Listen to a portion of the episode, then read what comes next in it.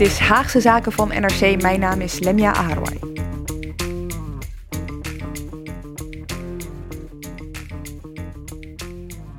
Deze week over iets dat er nog nauwelijks is, namelijk een discussie over botsende grondrechten.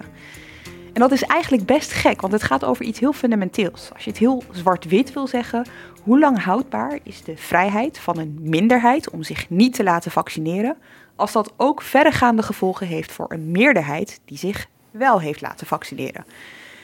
Maar dit onderwerp is veel gelaagder dan dat, want het raakt aan juridische, ethische, politieke en maatschappelijke thema's.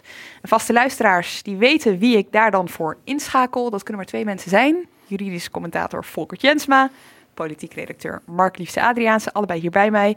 Ik zie geen wetboeken liggen, ik zie ook John Stuart Mill niet liggen. Zit het allemaal in jullie hoofd? Of, ehm, Ik heb het op mijn telefoon op de juiste pagina opgeslagen. Dus Super modern, oké.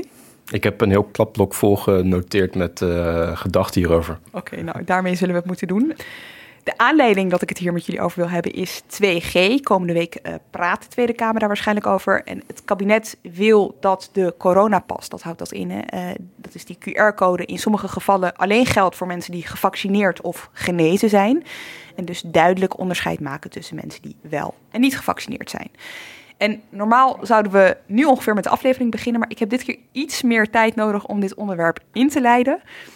Er wordt weinig over die botsende grondrechten gesproken in de Kamer, maar het valt me afgelopen weken wel op dat vooral Hugo de Jonge, minister van VWS, demissionair, zich steeds scherper uitlaat over wat de gevolgen zijn van een kleine groep ongevaccineerden voor een grote groep gevaccineerden. En dat Mark Rutte daardoor heel langzaam ook stelling begint in te nemen. En dat was vooral afgelopen maand goed te zien.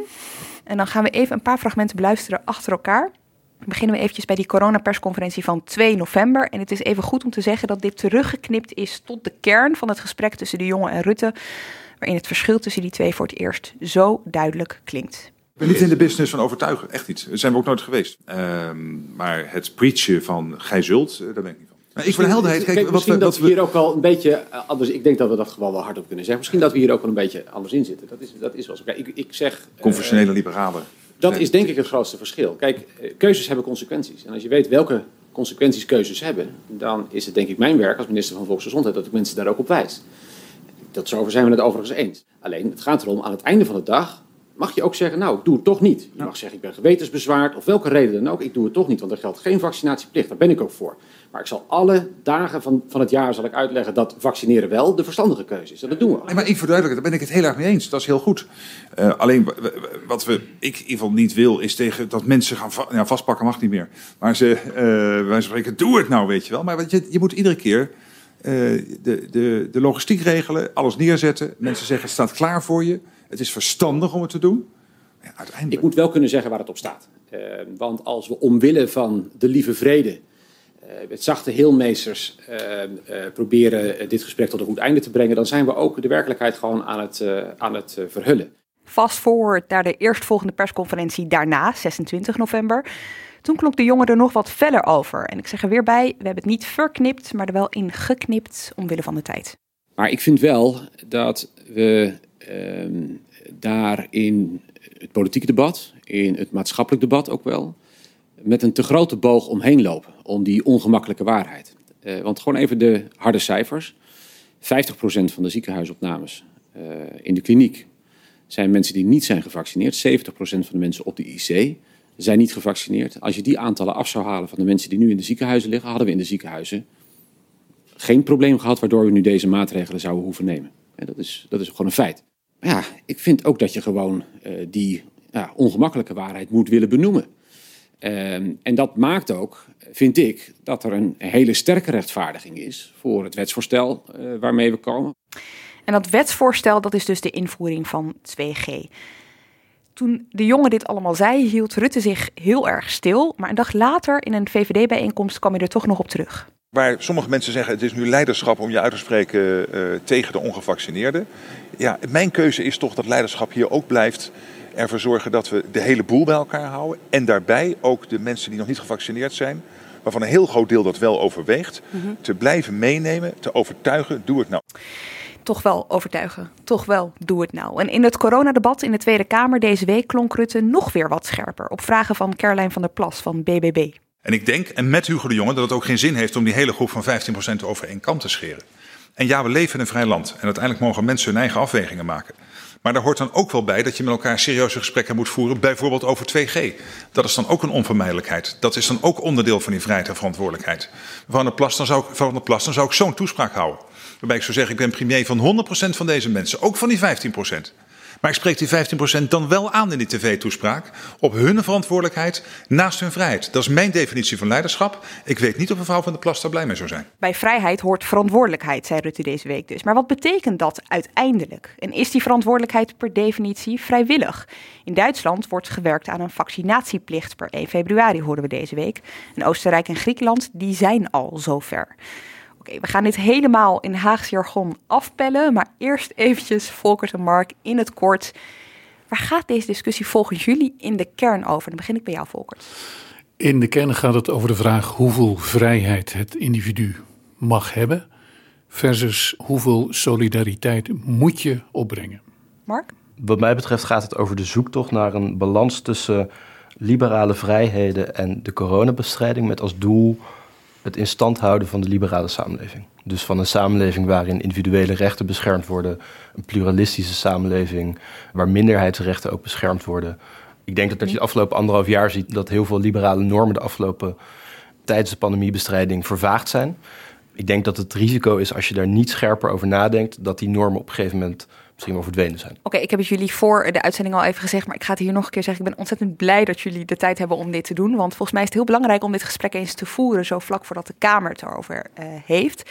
Ik moest zelf toch wel een beetje denken over uh, de laatste keer dat jullie hier zaten. Toen hebben we het gehad over de avondklok. Ja. En dat lijkt een beetje een vergelijkbare discussie. Dat ging ook over het inperken van ja, ja toch wel belangrijke rechten. Ja, dat ging om het grondrecht om je vrij te mogen bewegen versus de, de plicht van de overheid om uh, de gezondheid van iedereen te beschermen. En daar was de vraag: is een avondklok daarvoor een geschikt middel?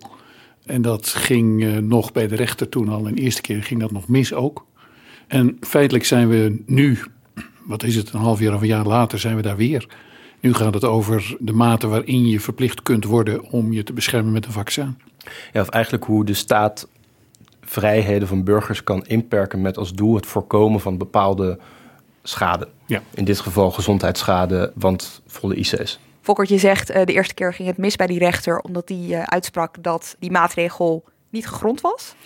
Wat daar gebeurde was, de rechter die uh, was van mening dat de staat onvoldoende had uitgelegd, onvoldoende had gemotiveerd, onvoldoende legitiem had gemaakt dat een avondklok een geschikt middel was om een doel dat de staat voor ogen had, namelijk uh, het beperken van besmetting, om dat daarmee ook te bereiken. En dat is het type toets wat een rechter uh, uh, bij botsende grondrechten, waar we het verder over zullen gaan hebben onder meer, altijd aanlegt. Ja, uiteindelijk kwam dat wel goed, want die ja. maatregel is toch nog ingevoerd. Dan begint de, de, de staat onmiddellijk extra uitleg te geven en meer motivering. En dan wordt er hier nog een beetje aan een knopje gedraaid en daar. En dan is de volgende rechter wel tevreden. Ja, dus op een bepaald vlak is het vergelijkbaar, zou je kunnen zeggen, ja. met, met die inperking. Maar op een ander vlak helemaal niet, want nu zijn er twee groepen in de samenleving. Twee vrij goed gedefinieerde groepen. En bovendien gaat het om ja, eigenlijk nog meer dan een avondklok. Uh, dit gaat over toegang tot nou ja, het complete uitgaansleven, de horeca, uh, sport. Dit grijpt veel dieper in. Dus dit is een veel zwaardere maatregel waar we nu tegenaan kijken. Nou ja, nu zijn we bezig met 2G, maar daarachter uh, schemert uh, nog een veel ingrijpender maatregel. En dat is de vaccinatieplicht zelf. En dan heb je het over ja, je lichaam. Voordat we het gaan hebben over welke grondrechten met elkaar ja. botsen, wil ik het eerst hebben over grondrechten. Klinkt heel erg simpel, we weten allemaal wel ongeveer wat het is. Maar ik wil toch even, Volker, dat jij uitlegt waar hebben we het over als we het hebben over grondrechten. Nou, uh, grondrechten, dat je kun je het beste zien als een soort juridisch uh, schrikdraad dat in de wet staat. Dat zijn eigenlijk kleine beginselen, kleine nou ja, rookbommetjes kun je zeggen. Als de wetgever daarop trapt, dan gebeurt er iets. Dan moet je extra oppassen. Dit zijn rechten waar je niet zomaar aan mag komen. Die moet je in beginsel altijd respecteren. Die staan niet voor niets in de grondwet. Hoofdstuk 1, daar staan 23 grondrechten genoemd. En dat zijn echte fundamenten van de liberale samenleving. Dat is waarom we een democratie zijn. Dat is waarom we een rechtsstaat zijn. dat gaat van vrijheid van meningsuiting tot toegang tot de rechter tot bescherming van je persoonlijke levenssfeer. staan in de grondwet, staan in internationale verdragen, uh, Europese verdragen. We zijn er rechtstreeks aan gebonden. De wetgever moet er altijd rekening mee houden. Moet er rekening mee houden. Maar nu komen we bij de kern, want er zijn nu, of eigenlijk binnenkort, grondrechten die met elkaar botsen. En dan moeten we heel even luisteren naar Hugo de Jonge deze week in gesprek met de Eerste Kamer. Ja, maar het, het raakt toch wel degelijk aan onze grondrechten, ja zeker. Maar die grondrechten zijn natuurlijk nevengeschikt. Uh, botsen natuurlijk vaker. En dan is het ook aan de wetgever om in die, in die botsing van grondrechten een keuze te maken. En mag ik er toch een paar met u nalopen? Uh, mevrouw De Bruin noemde al artikel 22. Dat is de opdracht aan de overheid om alles te doen wat in haar vermogen ligt om de volksgezondheid van mensen te beschermen.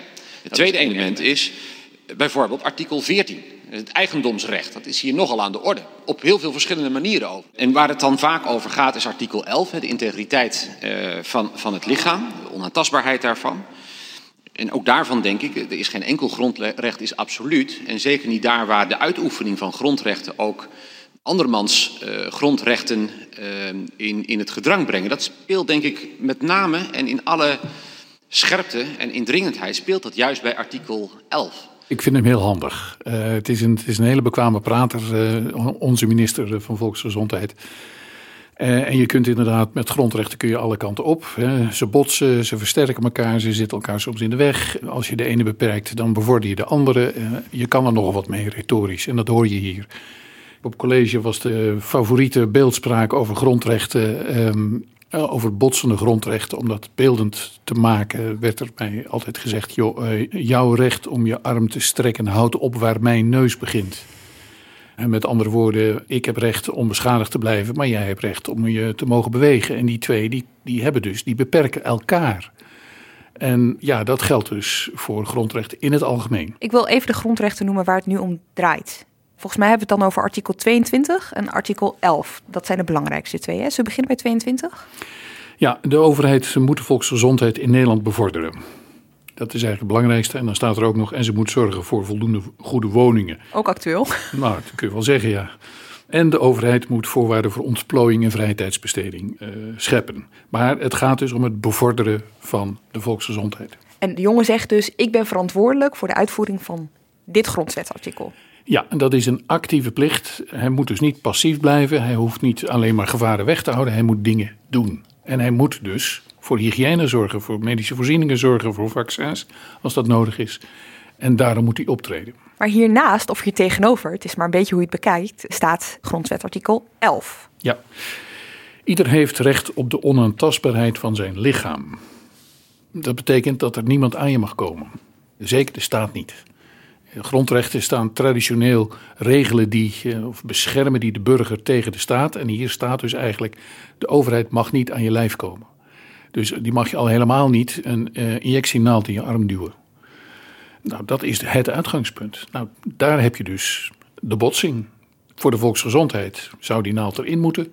En voor je recht op een onaantastbaar lichaam mag dat niet. En is dit logisch wat er nu gebeurt? Is het logisch dat Hugo de Jonge deze twee grondwetartikelen erbij pakt en zegt: hier draait het nu om, hier botst het op dit moment? Ja, uh, dat is logisch. En hij staat erin niet alleen, want ook de protesterende burger die gebruikt dit. Het is voor juristen ontzettend leuk om te zien hoe levend opeens de grondrechten geworden zijn. De grondwet bij ons is een betrekkelijk slapende wet. Je kan er in de rechtszaal over het algemeen niks mee. Het speelt een rol bij het wetgevingsproces, maar constitutioneel is Nederland betrekkelijk zwak georganiseerd. Wat bedoel je daarmee? Daarmee bedoel ik dat uh, je uh, als burger uh, geen direct beroep kan doen op een artikel uit de grondwet. Je mag wel je grondrechten verdedigen in de rechtszaal, maar dan moet je naar een Europees verdrag grijpen. Aan de grondwet heb je niks, want er staat een zogeheten toetsingsverbod in. De rechter mag niet wetten of regels aan de grondwet toetsen.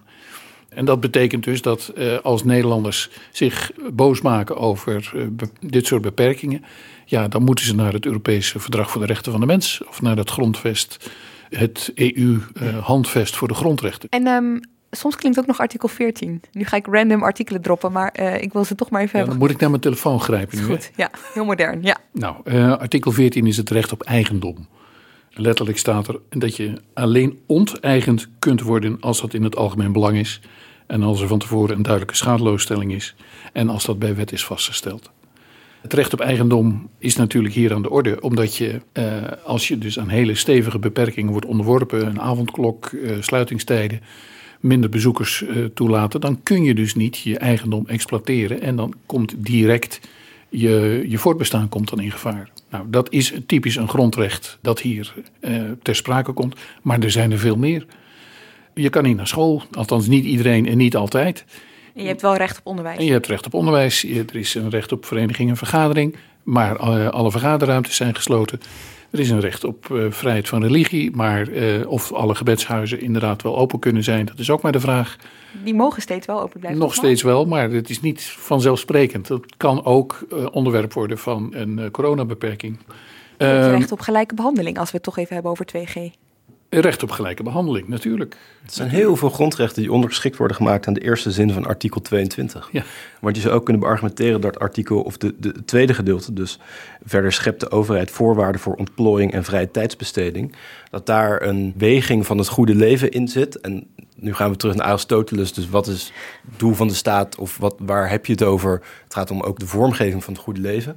Dat eigenlijk het belang van gezondheidsschade, van mogelijke gezondheidsschade, zwaarder lijkt te wegen dan andere voorwaarden die nodig zijn voor een, voor Ja. een goed leven. Bijvoorbeeld ontplooiing, bijvoorbeeld naar een museum kunnen, bijvoorbeeld kunnen winkelen, vrienden kunnen zien, et cetera. En die ene zin, de eerste zin van artikel 22 over het- bevorderen van de volksgezondheid, staat dan eigenlijk boven ongeveer de, de, het- ja, de eerste 25 grondrechten. Kortom, eh, grondrechten zijn niet absoluut, maar zijn ook relatief. Eh, grondrechten eh, zijn onderworpen uiteindelijk aan een belangenafweging. Als je in een bijzondere situatie terechtkomt, in een crisissituatie, kunnen er omstandigheden zich voordoen waardoor het gelegitimeerd is om die grondrechten in te perken. En dat is waar we nu zitten. Dat is waar we nu zitten, maar die zitten toch ook al een klein beetje in het dagelijkse leven. Want als artikel 11 zegt, je hebt recht op onaantastbaarheid van het menselijk lichaam. Zijn jullie eens gefouilleerd? Heel vaak, ja. Ja. Hebben jullie wel eens een, eh, hoe noem je dat ook weer, dat je moet blazen, zo'n blaastest gedaan? Nee, nog nooit. Nee, ik ook niet. Oh, ik heb wel, grappig genoeg, terwijl ik niet drink, ja. Nou, ja, zo, dat zijn is- er, zo zijn er Nee, maar kijk, meer. het- ja. en het, wat daar aan ten grondslag ligt, is uiteindelijk het, wat Volkert ook zei: mijn vrijheid reikt tot waar jouw neus begint, namelijk het schadebeginsel. Dus ik heb vrijheid, maar die vrijheid is niet absoluut en die vrijheid wordt beperkt op het moment dat ik jou schade kan toedoen. Alleen ook dat schadebeginsel is niet absoluut. Dat wordt niet absoluut toegepast. Als dat wel het geval zou zijn, dan zouden we niet mogen autorijden bijvoorbeeld. Want op het moment dat ik auto rijd, dan ben ik een potentieel gevaar voor andere mensen op de weg.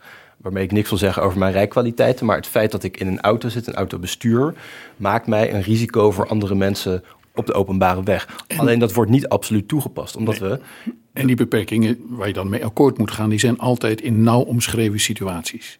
Dus je wordt alleen gefouilleerd in een bepaald daarvoor afgebakend gebied.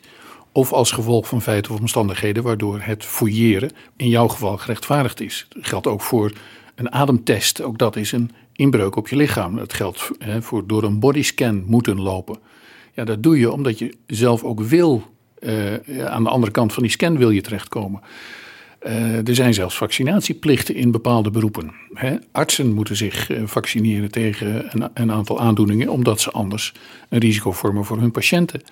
Militairen moeten zich vaccineren, omdat ze mee moeten kunnen doen aan missies naar landen waar besmettingen zijn. Daar zit ook een zekere mate van vrijwilligheid in. En daar zit ook een zekere mate in, of nee, het zit er altijd in, een, een heel nauw omschreven terrein of gebied waarbinnen zo'n beperking acceptabel is. Het wordt allemaal anders als iedere burger in Nederland iedere dag gefouilleerd zou moeten kunnen worden en wel overal. Maar in feite is dat wat je wel gaat zien bij de invoering van 2G, toch?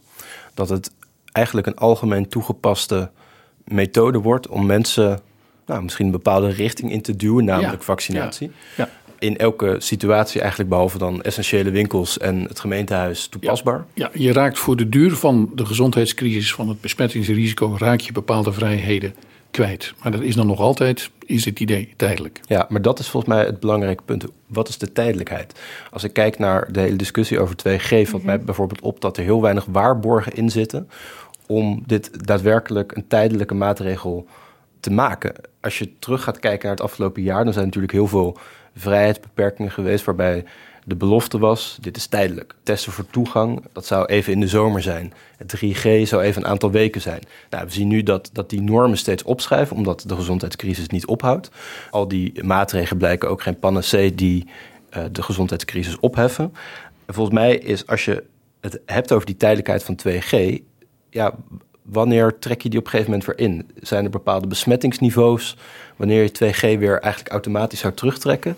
Is het zo dat als er op de IC bijvoorbeeld nog maar 200 mensen liggen, dat we dan zeggen we trekken het in? En dit is ook relevant omdat de epidemiologische basis, of eigenlijk als we het hebben over de proportionaliteit van 2G, dan is de vraag wat is precies de epidemiologische basis? Nou, dus hè, wat, wat doet het om de pandemie te bestrijden. Er is eigenlijk heel weinig bewijs voor dat dat echt heel sterk is. Uh, dat dat in deze fase van de pandemie met hoge besmettingscijfers. Maar dat wordt ook wel gezegd ehm, politiek. Hè? dit is niet iets om in te voeren om het aantal besmettingen terug te krijgen, maar dit is iets waaraan gewerkt wordt. Mochten die besmettingen naar beneden gaan, om alles weer te kunnen openen. Ja, maar dan wordt dus de vraag hoe lang. Want als je weet dat de epidemiologische basis onder 2G beperkt is, dan is het dus denkbaar dat er ook onder een 2G-regime weer een flinke stijging van het aantal besmettingen zal komen. En dan is de vraag hoe proportioneel is de vrijheidsinperking die je dan voor een tijdelijke periode, of misschien toch niet heel tijdelijk, hebt. Maar dan hoop je als burger op een verstandige minister. Die dat ziet, die geen eigen belang heeft of een ander belang bij uh, dit soort beperkingen dan hij steeds heeft aangegeven. En dat je dus in een open samenleving blijft uh, leven, waarin die grondrechten uiteindelijk de toetsteen zijn en, en, en, het eikpunt waar wij het allemaal mee eens zijn. En dat natuurlijk een coronapas iets is waar, wat je zo snel mogelijk weer uit het raam werpt, zodra dat kan. Maar de vraag is wanneer, welke waarborgen heb je dat dit eh, kijk, we weten. Uh, ja, er zijn geen garanties in het leven. Nee, maar het lastige is natuurlijk dat, dat we de afgelopen twee jaar heel veel normen hebben zien verschuiven. Als, je twee jaar geleden, als wij hier twee jaar geleden hadden gezeten, hebben wij een aflevering gemaakt over botsende grondrechten, als ik me goed herinner. Als wij toen hadden besproken dat je twee jaar later uh, op basis van het mogelijke medische risico dat je zou kunnen vormen, toegang zou kunnen krijgen of geen toegang tot een restaurant, een museum, een voetbalstadion. Dan hadden we dat absurd gevonden. En nu. Nou, dat weet ik niet. Nee? Nee. Hmm. Zolang ik, ik, jij, wij ervan overtuigd zouden zijn dat de crisis maar ernstig genoeg is. Uh, het risico op doodgaan uh, voor een te groot deel van de samenleving uh, te hoog is. Het risico op sluiting van het onderwijs te groot is. Dan was ik daar wel, had, had, ik daar niet van opgekeken. Ik wil heel veel terugvallen op iets wat jij net zei. Je, je had het heel duidelijk over een verstandige minister. Natuurlijk, je gaat uit van goede trouw. Uh, je gaat uit van een minister die trouw is aan de grondwet. Daar heeft hij op gezworen. Die vindt dat er een liberale staat, een democratische rechtsstaat moet zijn. waarin de mensen deze rechten hebben. En die zich heeft voorgenomen om die rechten ook zo goed mogelijk te beschermen. Uh, als dat niet zo is, dan zitten we in een heel ander domein. Maar als de jongen zou in theorie, of een ander toekomstig minister van Volksgezondheid zou in theorie over een langdurige periode kunnen zeggen dat dat eerste deel van artikel 22, dus het beschermen van de volksgezondheid, zwaarder weegt dan al die andere grondrechten. Ja, ja we zouden terecht kunnen komen in een hygiënedictatuur. Hè, waarin volksgezondheid het enige is dat ertoe doet. En waarin al onze bewegingen worden uh, afgemeten aan de mate waarin we voor uh, patiënten in het ziekenhuis zorgen. Dat zou kunnen. Maar dat is een dystopie. Hè? Ik ben met jou maximaal wantrouwend ten opzichte van ministers die beginnen te sleutelen aan grondrechten. En ik ben maximaal wantrouwend als het om Kamerfracties gaat die daarmee akkoord gaan. Daar moeten we ongelooflijk bij oppassen. Maar het is wel een proces dat bestaat en dat ook geregeld is. Het lastige is, is dat je op een gegeven moment natuurlijk op een, in een proces zit waarbij elke voortgaande stap klein lijkt. En als je dan een stap terugzet, bijvoorbeeld twee jaar terugkijkt, dan heb je het wel over vrij vergaande stappen. En dus is dan op een gegeven moment ook volgens mij de vraag: hoe kan je uh, voorkomen op voorhand uh, ja. nou, daar zullen we het straks meer over moeten hebben, denk ik. Wat zijn bepaalde rode lijnen als het gaat om individuele rechten, ja, het risico, rechten? Het, risico van de zeephelling, dat ben ik met je eens. En daarom zitten wij hier. Gaan we het zeker straks over hebben. Maar daarvoor hebben we wel eerst even wat uitleg uh, nodig. Precies, even terug. Want, uh, Volkert, je hebt het over een minister die al dan niet sleutelt aan grondrechten... of daar zelf een soort van prioritering in aanbrengt. dat is nu gaande. Dat is nu gaande, maar het is heel zwaar aangezet als ik zeg... wie beschermt ons daartegen, maar wie de ziet... Ja, precies. Hoe gaat dat? Waar let hij dan op? Nou ja, de rechter die wordt geconfronteerd aan de lopende band trouwens met beperkingen van grondrechten. Want er is geen enkel grondrecht absoluut. Dus eh, om een vredige samenleving mogelijk te maken, hè, dan komen we weer met de gestrekte arm en, en de kwetsbare neus, is het dus voortdurend schipperen. Dus je moet altijd ruimte maken met je grondrecht. Het is nooit zo dat mijn recht per definitie, omdat ik nou eenmaal hier woon, altijd groter is dan jouw recht. Wanneer mag je nou zo'n grondrecht inperken? Dan kijkt de rechter naar een aantal dingen. Uh, juristen kunnen maar één ding, zeg ik altijd, en dat is een toetsingskader formuleren. Het is een plattegrondje waar je, wat je over een probleem heen kan leggen en dan kan je zien waar je uitkomt.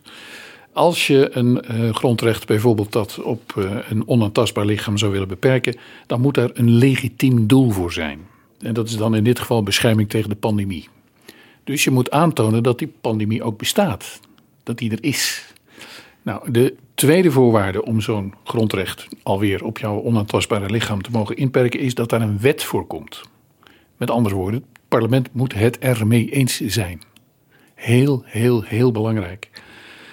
Dat is de democratische legitimatie ervan. En die wet moet bovendien duidelijk zijn. Dus je moet als burger dan ook exact weten eh, aan welke beperking je dan moet houden. Onder welke omstandigheid je, je wat dan aan je lichaam moet toestaan. En om terug te komen op wat Mark net al eventjes zei, zit daar ook in hoe lang het duurt? Dat zou kunnen. Ja, dat zou heel goed kunnen. Dat is een manier voor de wetgever om dit mogelijk te maken. Dat zou het parlement kunnen afdwingen bijvoorbeeld? Een verstandige wetgever doet dat van tevoren. Die zegt, ik zit hier met een tijdelijke crisis, daarvoor is een tijdelijke maatregel nodig. Dat ik kom met de coronawet bijvoorbeeld Precies. gebeurd. Ja, met, oorspronkelijk een jaar zou gelden. Toen na een half jaar heeft het parlement afgedwongen dat het naar drie maanden zou gaan. Want ach, wie weet zou het in de winter van dit jaar al wel voorbij zijn. Those were the days, my friends. En, en, maar nu wordt dit ook iedere drie dagen of uh, drie maanden. Die heel iets te veel gevraagd, maar iedere drie maanden wordt het dus verlengd. Nou, ja, ja, of je komt met een horizonbepaling of met een automatisch vervallen. Dat, is, dat maakt het allemaal acceptabeler. En het derde is die inbreuk op dat grondrecht, namelijk op dat onaantastbare lichaam, die moet evenredig zijn, proportioneel. Oftewel, de, het middel en het doel moeten in een redelijke verhouding tot elkaar staan. Uh, het mag niet zo zijn dat je een betrekkelijk bescheiden doel hebt en daar een enorm zwaar middel op zet. Dus niet met een hamer op een mug slaan. Ik ben er wel eigenlijk bij benieuwd, Volkert. Moet de staat ook aantonen dat ze redelijkerwijs alles gedaan hebben om ja. deze inperking te voorkomen? Dus ja, dat ze... ja, ja het, je, het moet uh, het middel dat je gebruikt, uh, althans het doel wat je wil bereiken, moet niet bereikt kunnen worden met een minder zwaar uh, middel. met andere woorden, alle andere middelen moeten eigenlijk al zijn uitgeput. Ja. Dus uh, je moet alles hebben gedaan aan hygiënische maatregelen, aan afstand, aan nou ja, alles wat je vrijwillig kunt doen, voordat je komt aanzetten met, ja, nu komen we toch echt toe aan, u, u moet zich eigenlijk vaccineren. Want dat vind ik wel heel interessant, want als ik dan terugdenk aan de, de zittingen in januari en februari over de avondklok, toen zaten we eigenlijk in een hele andere situatie dan nu. Ja. Toen kon je nog zeggen, denk ik, dat de staat inderdaad uh, andere mogelijkheden uitgeput had om. Want we zaten met, een zeer zware lockdown al. om het aantal besmettingen omlaag te brengen. Ik kan me zomaar voorstellen dat als er nu een zaak voor de rechter zou komen, dat een advocaat, en het zou grappig zijn als dat dan de advocaat van Willem Engel zou zijn, maar ook een andere advocaat kan dat betogen, dat de staat misschien niet alles heeft gedaan. Namelijk de verlaten boostercampagne. Dus stel dat er op een gegeven moment, uh, stel we gaan naar, naar, naar scenario dat we over een maand met zulke hoge besmettingscijfers zitten, dat er weer een avondklok wordt ingevoerd. En een van de redenen van die besmettingscijfers zou zijn dat mensen die uh, eerder geboosterd hadden kunnen worden, moeten worden, besmet zijn geraakt. Dat zou zeker een goed argument zijn om, uh, om aan te uh, dragen. En ik moet nog één dingetje zeggen. Een van de, wat ook tot de bewijslast van de wetgever hoort, is dat hij wetenschappelijk kan aantonen dat de maatregelen die hij voorstelt ook daadwerkelijk effectief zijn. Dus als het over een vaccin gaat, dan moet het een effectief vaccin zijn. En dan moet het veilig zijn. Als die zegt allemaal een mondkapje op, dan moet hij dus aan kunnen tonen dat dat daadwerkelijk resultaat kan hebben. Want anders dan zegt de rechter van ja, eh, waar u mee komt, ja, de effectiviteit is niet duidelijk, eh, onvoldoende onderbouwd. Eh, de onderzoeken die u eh, mij voorlegt, die, die zijn tamelijk zwak middel dat u desondanks in gedachten heeft, is eigenlijk wel heel erg zwaar. Dus we doen het niet. Echt super interessant. Dan gaat de rechter dus eigenlijk meekijken naar het beleid en toetsen of dat wel nou, genoeg is geweest. Dit is dus het toetsingskader wat Europese rechters gebruiken, wat Nederlandse rechters, wat alle rechters in Europa gebruiken.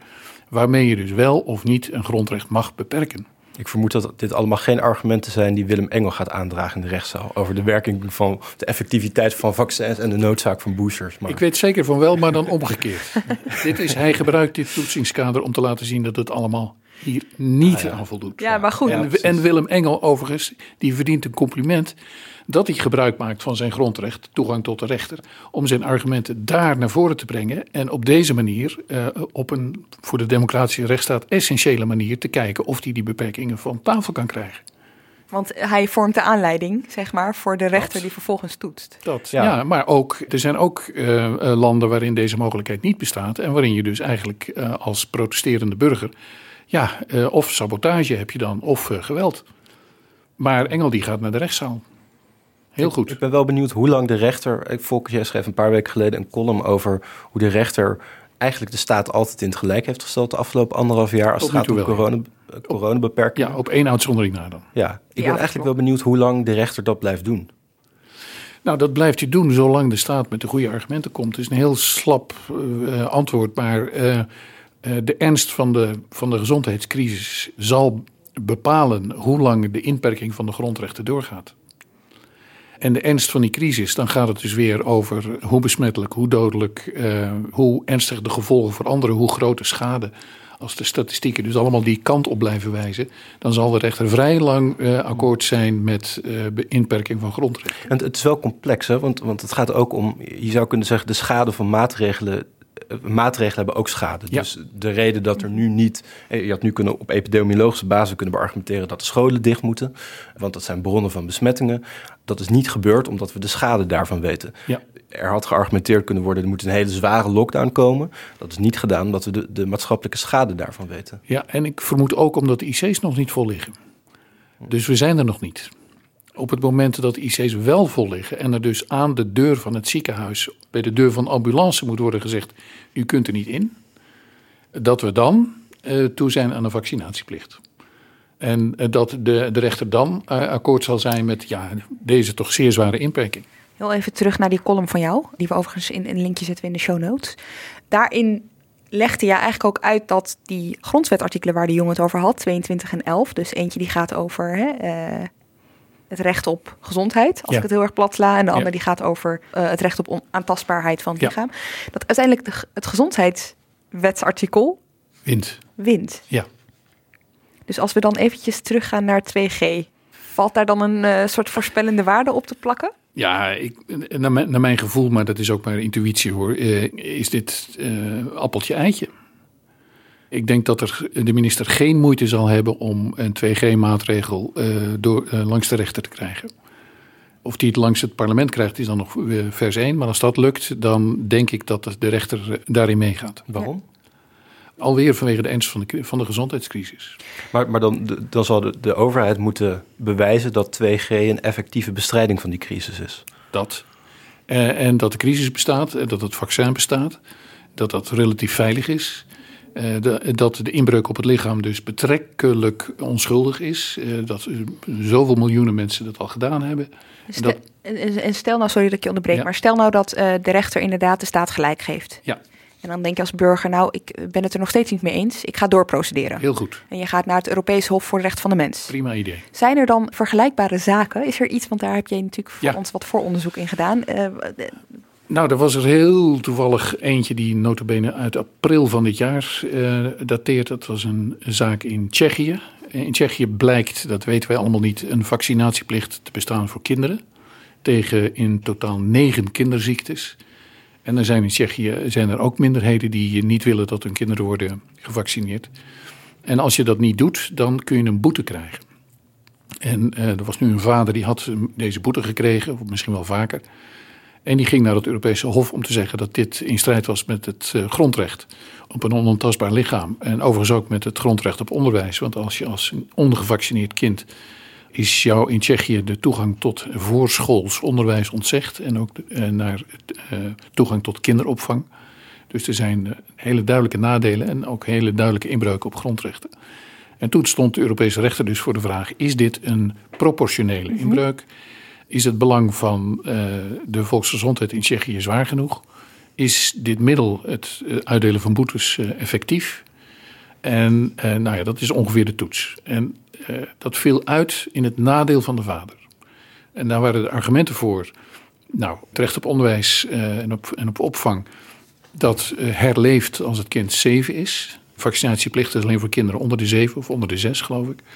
Dus dat is maar tijdelijk. Het belang van de volksgezondheid is voldoende groot. Het belang van andere ouders om uh, niet besmettelijke kinderen bij hun gevaccineerde kinderen te hebben is uh, voldoende groot. Dus het mag. Dus daar heb je een precedent. Gericht op een hele specifieke groep in een land uh, waarin dit kennelijk ja. tot de normale gang van zaken behoort. Ja, maar wel uitgesproken door een rechter die uiteindelijk mocht iemand doorprocederen vanuit Nederland ook daar terecht komt. Die komt ook daar terecht en ook dan krijg je dus dezelfde afweging. En toch moest ik denken aan een Nederlandse wet die vorig jaar, als ik me niet vergis, door de Tweede Kamer uh, is gekomen en nog door de Eerste Kamer behandeld moet worden. Ja, weet wat je bedoelt. Uh, D66-wet, initiatiefwet, voorstel van Rens Raamakers. En dat gaat over het recht voor kinderopvanglocaties om kinderen die niet gevaccineerd zijn te weren. Ja, ja precies hetzelfde. Echt exact hetzelfde. Nou, ik heb het advies van de Raad van State niet gelezen op die wet. Maar die zullen dus een grondwettoets hebben gedaan. Die zullen de grondrechten hebben afgewogen tegen elkaar. Eh, en de beperking van de een hebben afgewogen tegen nou ja, de winst van de ander.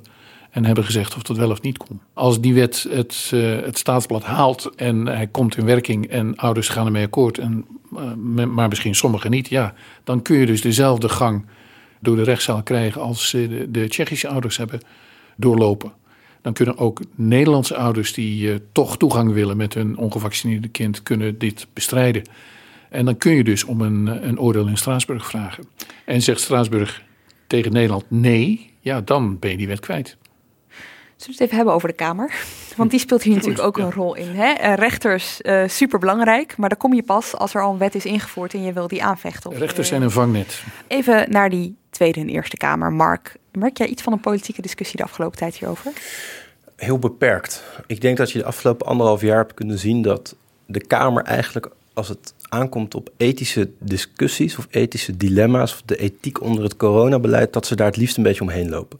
Dat kon je al in de eerste golf zien toen het ging om code zwart, waarvan de politiek toen ook vond van ja, daar, daar moeten we het, dat is niet aan ons. Nou, uh, artsen zeiden dat is wel aan jullie. We hebben dekking nodig om mensen te gaan weigeren aan, uh, aan de deur van het ziekenhuis. En dat is eigenlijk die angst om ethische dilemma's politiek te maken, die zie je denk ik ook wat terug bij de discussie over 2G. Dat het al heel gauw gaat over bijvoorbeeld uitvoeringsvraagstukken. Dus kun je van ondernemers verwachten dat ze iemand aan de deur gaan zetten die dit allemaal kan controleren? Hoe doe je het met ouderen die geen QR-code hebben? Dat soort dingen. Terwijl uiteindelijk gaat het om een hele fundamentele, of een heel fundamenteel ethisch vraagstuk, denk ik. Namelijk hoe welke rechten van individuen ben je bereid om in te perken ten gunste van het collectief? Oftewel, wat is de verhouding tussen het individu in een liberale samenleving en het collectief van de liberale samenleving?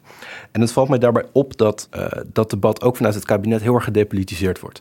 En dat zien we ook eigenlijk de hele crisis uh, door, dat op de persconferentie het kabinet beleid aankondigt, dat eigenlijk nog door alle Tweede Kamers moet, dat de hele uh, sta staatsrechtelijke gang nog moet maken. Maar dat door het kabinet al wel gepresenteerd wordt als een voldongen feit. En dat vaak ook wordt gepresenteerd als een onvermijdelijkheid. Zullen we, zullen we heel veel luisteren ja. hoe dat klinkt? Want bij 2G gebeurde dat ja, in, inderdaad. Gaan we even weer naar de persconferentie van 26 november. De maatregelen die we nu nemen zijn nodig om het aantal ziekenhuisopnamen sterk terug te dringen. Om een kentering in de cijfers te forceren. En zodra die cijfers zijn gedaald en het verantwoord is, zullen we minder generiek en meer specifiek kunnen ingrijpen. En daarvoor maken we de uitbreiding van dat coronatoegangsbewijs mogelijk. Waar het kan, is dat bewijs geldig als je gevaccineerd, genezen of getest bent. En op plekken waar het risico op besmetting hoog is, dus daar waar heel veel mensen bij elkaar komen, daar kom je straks alleen binnen als je gevaccineerd of genezen bent. Eh, bedoel je hier het gemak waarmee je ervan wordt uitgegaan dat de Tweede Kamer toch wel meedoet? Dat, maar ook eigenlijk dat 2G wordt gepresenteerd als een logische maatregel waar eigenlijk geen alternatief voor is. Dat zie je ook in een tweet van Hugo de Jonge, die een tijdje, ik geloof vorige week of twee weken geleden, twitterde: 2G makkelijke keuzes bestaan niet, logisch wel. Dus daarmee zie je dat zo'n heel complex ethisch dilemma eigenlijk wordt teruggebracht tot een tot gezond verstand. Je kan hier toch niet tegen zijn. En dat is wel gevaarlijk, denk ik. Of dat is, het is relevant om dit te noemen, omdat juist wanneer het dus gaat om zo'n zo'n maatregel die vrijheden van bepaalde burgers zal in beperken. Het best belangrijk is, denk ik, dat de democratie daar uh, een gezond debat over voert. Ja, je hoort me zeggen, maatregelen die we nemen. Ja. Hij zegt niet maatregelen die we voorstellen. Nee. dus je luistert naar de wethouder die uh, het al besloten heeft. Ja. Maar hier gebeurt toch iets interessants in de Kamer hoor. Want uh, ik ben het wel met je eens, uh, ongeveer anderhalf jaar, zolang die pandemie in ieder geval uh, duurt, doet de Kamer eigenlijk met wat half uurtjes Mhm. inleveren op de avondklok hier en wel buiten sporten daar, zal ik maar zeggen, doet de Kamer wat het kabinet wil. Dit punt lijkt toch aan iets te raken. Het debat wordt er niet echt over gevoerd, maar als je goed luistert naar het CDA bijvoorbeeld, dat was volgens mij vorige week of de week daarvoor. Het loopt ook allemaal een beetje door elkaar heen. Jobe van den Berg, Kamerlid, portefeuillehouder, liet toch wel weten dat haar fractie hiermee worstelt. Wat interessant is, want in het CDA zijn ze hier echt ontzettend mee aan het worstelen. En voorzitter, dan even toch de olifant in de Kamer. 2G. Eerlijk gezegd, het CDA worstelt hier nog mee, want 2G is ingrijpend. We hebben van de minister scenario's, alternatieven nodig die we tegen elkaar kunnen afwegen. Want eerlijk, in deze crisis is geen gemakkelijke keuze en geen keuze zonder pijn. Het lijkt me heel gezond. Dat is ook dat ze die twijfel ja. uitspreekt. En je ziet bij andere partijen, bijvoorbeeld de ChristenUnie en GroenLinks, nou ja, die komen dan met alternatieven. 1G alleen laten testen, dan maar iedereen testen, weet ja. je wel. Dus maar vanzelfsprekendheid lijkt hier toch iets minder. Nee, ik bedoel eigenlijk vooral dat vanuit het kabinet een soort van vanzelfsprekendheid gepretendeerd wordt ja. of gepresenteerd wordt.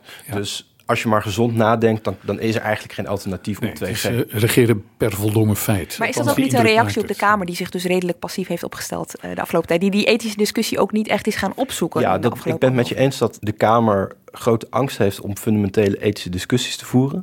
Maar uiteindelijk zie je deze houding van het kabinet al wel sinds het begin van de pandemie. En er is eigenlijk de afgelopen anderhalf jaar een soort uh, praktijk ontwikkeld waarbij, ja, die, die je technocratisch zou kunnen noemen volgens mij.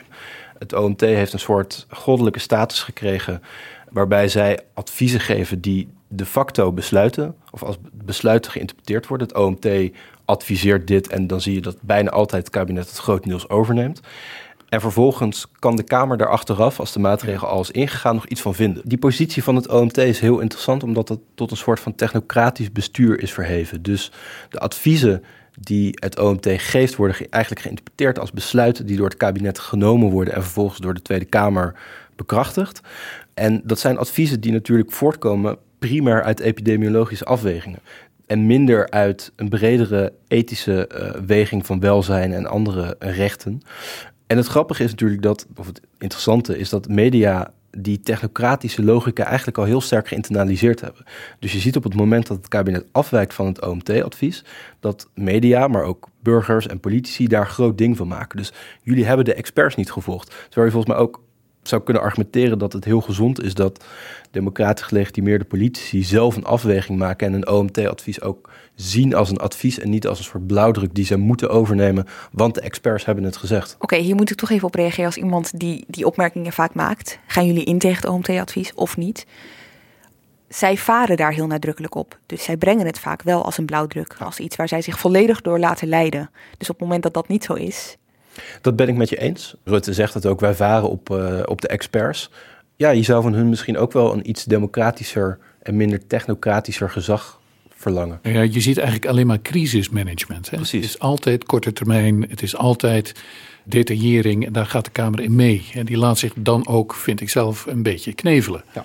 En de, de olifant in de Kamer is uh, de grote vraag: hoeveel vrijheid en hoeveel solidariteit hebben we nodig?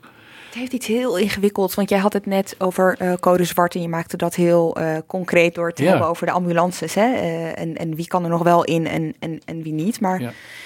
ik dacht vooral over de vaccinatieplicht of 2G. We gebruiken dat een beetje door elkaar in deze aflevering, Ja. merk ik al wel. Maar goed, het gaat in ieder geval eh, om het onderscheid tussen gevaccineerden en ongevaccineerden. Laten we daar in, in eerste instantie op houden.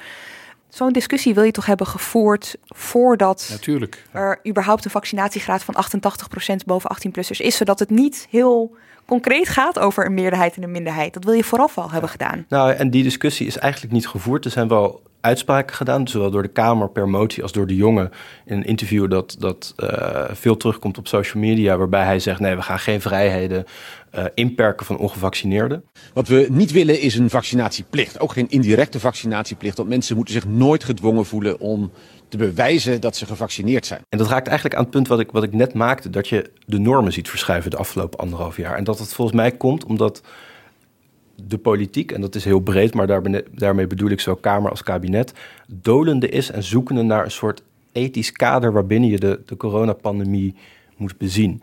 En ook een kader waarbinnen je eigenlijk de democratische verhoudingen binnen de pandemie moet uh, bezien. Dus hoe lang kun je blijven werken met de dynamiek van OMT-adviezen die besluit worden en de Kamer die daar nog een stempel op kan zetten. Ja. Uh, en op welk moment ga je weer nadenken over normalere democratische verhoudingen of niet? Het komt ook een beetje, als ik zo vrij mag zijn, omdat Rutte er anders over denkt dan de jongen. En dat kwam dan deze week enigszins naar voren. Maar Rutte is een liberaal die absoluut zo min mogelijk wil ingrijpen in het dagelijks leven van, van de burger of de ondernemer. En nu steeds meer in een positie komt waarin hij niet anders kan. Ja, maar je kan ook juist als liberaal volgens mij een aantal rode lijnen opstellen. Waarvan je vindt, die zijn voor ons zo fundamenteel. Dat zijn ja. Uh, dus... rode lijnen die als we die overschrijden, dan wordt de liberale samenleving die ik als liberaal wil beschermen, nou, dus... dusdanig aangetast. Als je kijkt naar bijvoorbeeld Letland, wat daar gebeurt, en dat gebeurt ook in een aantal Australische deelstaten, daar wordt het stemrecht ontnomen van ongevaccineerde parlementariërs. Is dat de rode lijn die we niet willen passeren? Nou, dan, dan kan het zin hebben om dat te formuleren. Is de rode lijn dat we geen vaccinatieplicht willen, dan kan het zin hebben om dat te formuleren. Dus wat je volgens mij ziet, is dat de afgelopen anderhalf jaar juist het ontbreken van geformuleerde rode lijnen of van een bepaald ethisch debat ertoe leidt dat je steeds ziet dat de normen verschuiven. En de consequentie daarvan kan zijn dat je op een gegeven moment uitkomt bij een, een, samenleving zoals we die niet bedoeld hebben. Dus je ziet nu dat met 2G een technologische structuur wordt aangelegd die in dit geval tijdelijk en echt waar, het, is, het, is maar, het duurt maar even, gebruikt zal worden voor 2G. Alleen we weten, heeft de staat eenmaal een bepaalde bevoegdheid, is er eenmaal een bepaalde technologische structuur, dan wordt die in de praktijk ook wel voor meer dingen gebruikt. Dus welke waarborgen wil het parlement creëren om te voorkomen dat we op een gegeven moment concluderen dat de liberale samenleving dusdanig ingeperkt is ten gunste van de pandemiebestrijding? Maar het onvermijdelijke is dat je die waarborgen dan, denk ik, toch wel zult overschrijden. En, en dat kunnen we heel inzichtelijk maken door even terug te gaan naar het verkiezingsdebat van RTL. Ja. Het ging even over de coronapas en wie er voorstander van zou zijn. Mevrouw Kaag, u kreeg van iedereen te horen dat het een heel slecht idee is wat u heeft. Nou, volgens mij uh, hebben ze gewoon niet goed geluisterd, met alle respect. Want ik zeg, je kan niet verwachten van gevaccineerden, want binnenkort komen er ook andere leeftijden aan. Niet alleen de, de, dames en heren in de verpleegtehuizen. Die, dat die wachten tot de laatste prik is gezet. Het is belangrijk dat we tempo maken. En ik heb gezegd dat we en-en situatie voorspiegelen. Dus massaal gesubsidieerd, snel testen overal om die ruimte, maak me even af, die ruimte te openen juist voor alle andere leeftijden. Dus geen ongelijkheid en geen tweedeling in de samenleving. Maar, maar, ho, ho, veilig. Heren, ja, nee, de heer Rot heeft een rechte vraag. Dit was Maart, hè? Ja. Ze werd voor gek versleten dat zij wel voor een coronapas was. Zeker. En wat volgens mij één reden is waarom de Kamer heel lang dit soort fundamentele debatten heeft vermeden, is de tijdelijkheidsassumptie. Dus het idee dat we in een tijdelijke ontwrichting zaten, dat uh, het einde van de pandemie echt heel dichtbij was. En dat dit soort maatregelen dusdanig tijdelijk zouden zijn dat je geen fundamenteel debat erover hoeft te voeren. Als je accepteert, of in ieder geval denkt in het scenario dat de pandemie een langdurige ontwrichting is, die een aantal jaar kan duren, misschien langer, dat, dat weten we niet. Dan is het denk ik ook zinnig om na te gaan denken over hoe wil je bepaalde liberale democratische fundamenten dusdanig waarborgen dat als op een gegeven moment de pandemie voorbij is, die liberaal-democratische samenleving nog vrij is, prettig om in te wonen. Eh, en dat we niet stappen hebben gezet die we niet, zo niet bedoeld hadden. En die onomkeerbaar zijn. Kijk, het risico is volgens mij, dat, dat heet dan path dependence. Dus dat je op een bepaal, in een bepaalde richting zit, waarbij elke stap op zichzelf geen hele grote stap is. Maar als je op een gegeven moment het geheel beziet, dan zie je dat er hele grote, onomkeerbare stappen zijn gezet. Het hellende vlak. De het hellende vlak. De zeephelling. Zeker. Je begint in een democratie en je eindigt in een, in een nou ja, mengelmoesje van uh, autoritaire, uh, sterk ingeperkte rechten. waarin je voor alles toestemming moet vragen of een pasje moet hebben. Met gevaar voor eigen leven ga ik hier even advocaat van de duivel spelen. Graag. Oké, want anders zijn we het iets te veel met elkaar eens. Het punt is natuurlijk, dit is allemaal heel mooi en theoretisch en belangrijk. Tegelijkertijd is er een pandemie bezig met oplopende cijfers. Er moet er snel gehandeld worden. En heb je een hele grote groep mensen die zich heeft laten vaccineren, die zou je kunnen zeggen een offer heeft gebracht, iets heeft gedaan voor de samenleving. Is het nog eerlijk, want dat is de vraag die er ook boven hangt, is het nog eerlijk om die grote groep iets te ontnemen? Omdat een kleinere groep denkt, ja, weet je wat, ik uh, vind dit niet veilig, al dan niet op desinformatie uh, gebaseerde uh, keuzes gewetens, uh, weet je wel, mensen die, die, die, die, die daar, uh, hoe noem je dat, gewetens... Uh, Gewetensbezwaren hebben. Bezwaren tegen ja, hebben. Dat is denk ik een hele terechte vraag. En tegelijk dan zou je kunnen opwerpen, maar we beschermen minderheidsrechten altijd in een liberale democratie. En het is niet zo dat de minderheid zich altijd moet voegen naar de meerderheid. Juist ook het beschermen van die minderheid tegen de meerderheid is een waarborg in een liberale samenleving die heel waardevol is. Maar normaal heeft dat uh, niet zo'n grote invloed op die meerderheid uh, nee. zoals nu zal. Nee, dit dreigt nu levens te gaan kosten. Ja. En dan kom je dus in een ander speelveld. En dan begint de vraag te worden: ja, wat mag je eisen van ongevaccineerden om toch een redelijk open samenleving nog in stand te houden? Dan hoor je vanuit het kabinet de tweedeling, ja, uh, tweedeling in de ziekenhuizen, weet je wel? Ja. En niet in de samenleving. Welke, welke prijs gaan we betalen voor het recht om ongevaccineerd te blijven? Respectievelijk, welke prijs zijn we bereid te betalen om mensen die om medische redenen helemaal niet gevaccineerd kunnen zijn, om die te beschermen? En wat ik zo ingewikkeld vind is, mm -hmm. dit is een hele wezenlijke vraag die ons direct raakt. Als jij ja, mensen ja. kent die een ernstige ziekte hebben en die nu afgebeld worden, ja, uh, die ook steeds uitgesteld worden. Ja, die ken ik. Snap je? En, en dat is uh, echt verschrikkelijk. En als je dat dan afzet, dus dat is heel erg ja. het nu, handelen naar het nu en je gevoel nu. En tegelijkertijd snap ik ook heel goed wat jullie zeggen. Nou ja, wat jullie net schetsen, die, dat hellende vlak, zeg maar. Wat betekent dit? Je, dat pad waar jij het net over had, Mark. Kijk, een, een ethisch dilemma heeft niet per definitie een uitkomst. Hè. Het is niet een soort optelsom van afweging waarbij je op een gegeven moment onderaan de streep zegt, dit is de uitkomst. Dat wordt wel een beetje nou, wanneer je zegt dat 2G logisch is, wordt dat wel gedaan. Die vergelijking, ja. Maar ja, misschien wreekt zich hier ook dat Nederland altijd zoekt naar consensus.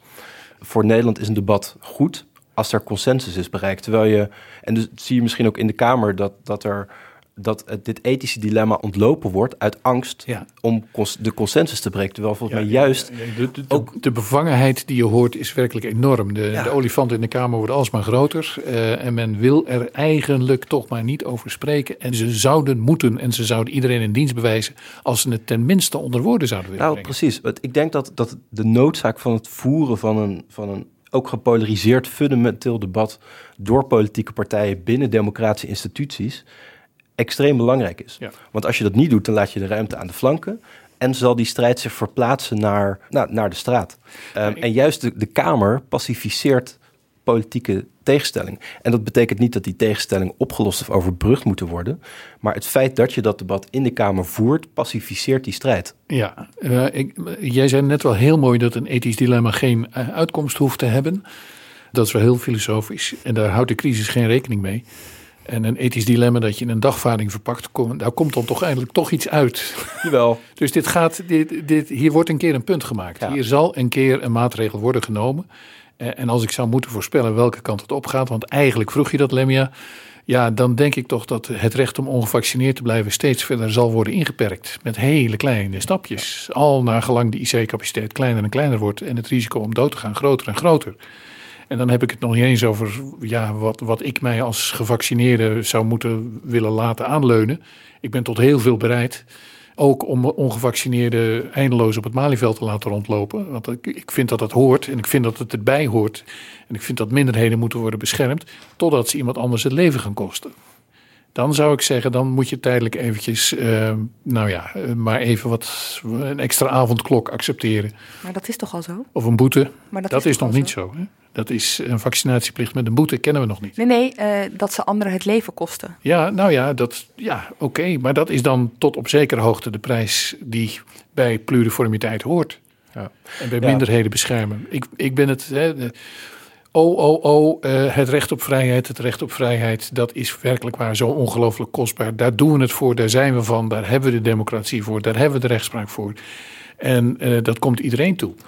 Uh, dus ook een, een, zekere vrijheid om domme, dingen, om domme beslissingen te nemen. Allah. Totdat, totdat het echt niet meer gaat. Ja. En daar komen we aan toe hoor. Maar daar zijn we toch al, Nee, nogmaals? nee, nee, nee. nee. De, hè, de IC's kunnen het nog aan. Ja, maar er worden al mensen afgebeld die Ja. eh, kanker Nou, hebben. Dat is dan toch, ja, ja, even heel hard volgende week, gezegd. Volgende week. Ja. Dat is dan toch in slow motion eh, Ja. alsnog ook een doodvonnis tekenen? Dat, Ja, we dat zitten er vlak voor. Gezondheidsschade die, die hieruit volgt, ja. En maar volgens mij is dan dus, wat ik op een gegeven moment zei, de conceptie van het goede leven, en nu gaan we heel filosofisch worden, maar het is wel relevant, is dus van wat zijn de voorwaarden voor zo'n goed leven en in hoeverre zijn die, worden die ook geschonden op het moment eh, van een avondklok of van een lockdown. Ik denk dat, die, dat, dat veel van die voorwaarden op dat moment geschonden worden. Je ziet ook het mentale welzijn van mensen achteruit gaan. En dan zou je inderdaad met dat overwegende kunnen beargumenteren dat ook de niet-medische schade aan de samenleving van gevaccineerden dusdanig groot is, dat dat een vergaande inbreuk van de vrijheid van ongevaccineerden legitimeert. Ja. Het is super interessant, maar het is vreselijk moeilijk, omdat je aan alle kanten loop je tegen de grenzen van de liberale Ja. samenleving aan. En Maar dat het- maakt het zo, zo verdomde complex, maar ook zo fragiel en relevant. Maar daarom moet het dus ook besproken worden. En niet alleen door ons, maar in die Kamer. Ja. Daar wil ik ze over horen. Tot hoe ver mag je gaan? Ik ben dol op vrijheid. En ik ben dol op minderheden beschermen. En ik ben dol op het, nou ja, het recht dat we allemaal gelijk zijn en gelijk worden behandeld. Maar als if push comes to shove, als puntje bij paaltje komt, dan is er een keer een eind aan. En daar zitten we dus nu, of we zijn er al, wat Lemia zegt, of we zitten er vlak voor. We gaan het volgende week zien, want eh, dan gaat de Kamer het er waarschijnlijk over hebben. En om in de filosofie te blijven, niets is eindig, maar eh, deze aflevering nu wel. Echt Dank jullie wel. Mooi. Jensma en Mark Lievese Adriaanse. Jij ook weer bedankt voor het luisteren. Redactie en productie van deze aflevering waren in handen van Iris Verhulstonk. Montage door Pieter Bakker. En volgende week is er weer een Haagse Zaken. Tot dan.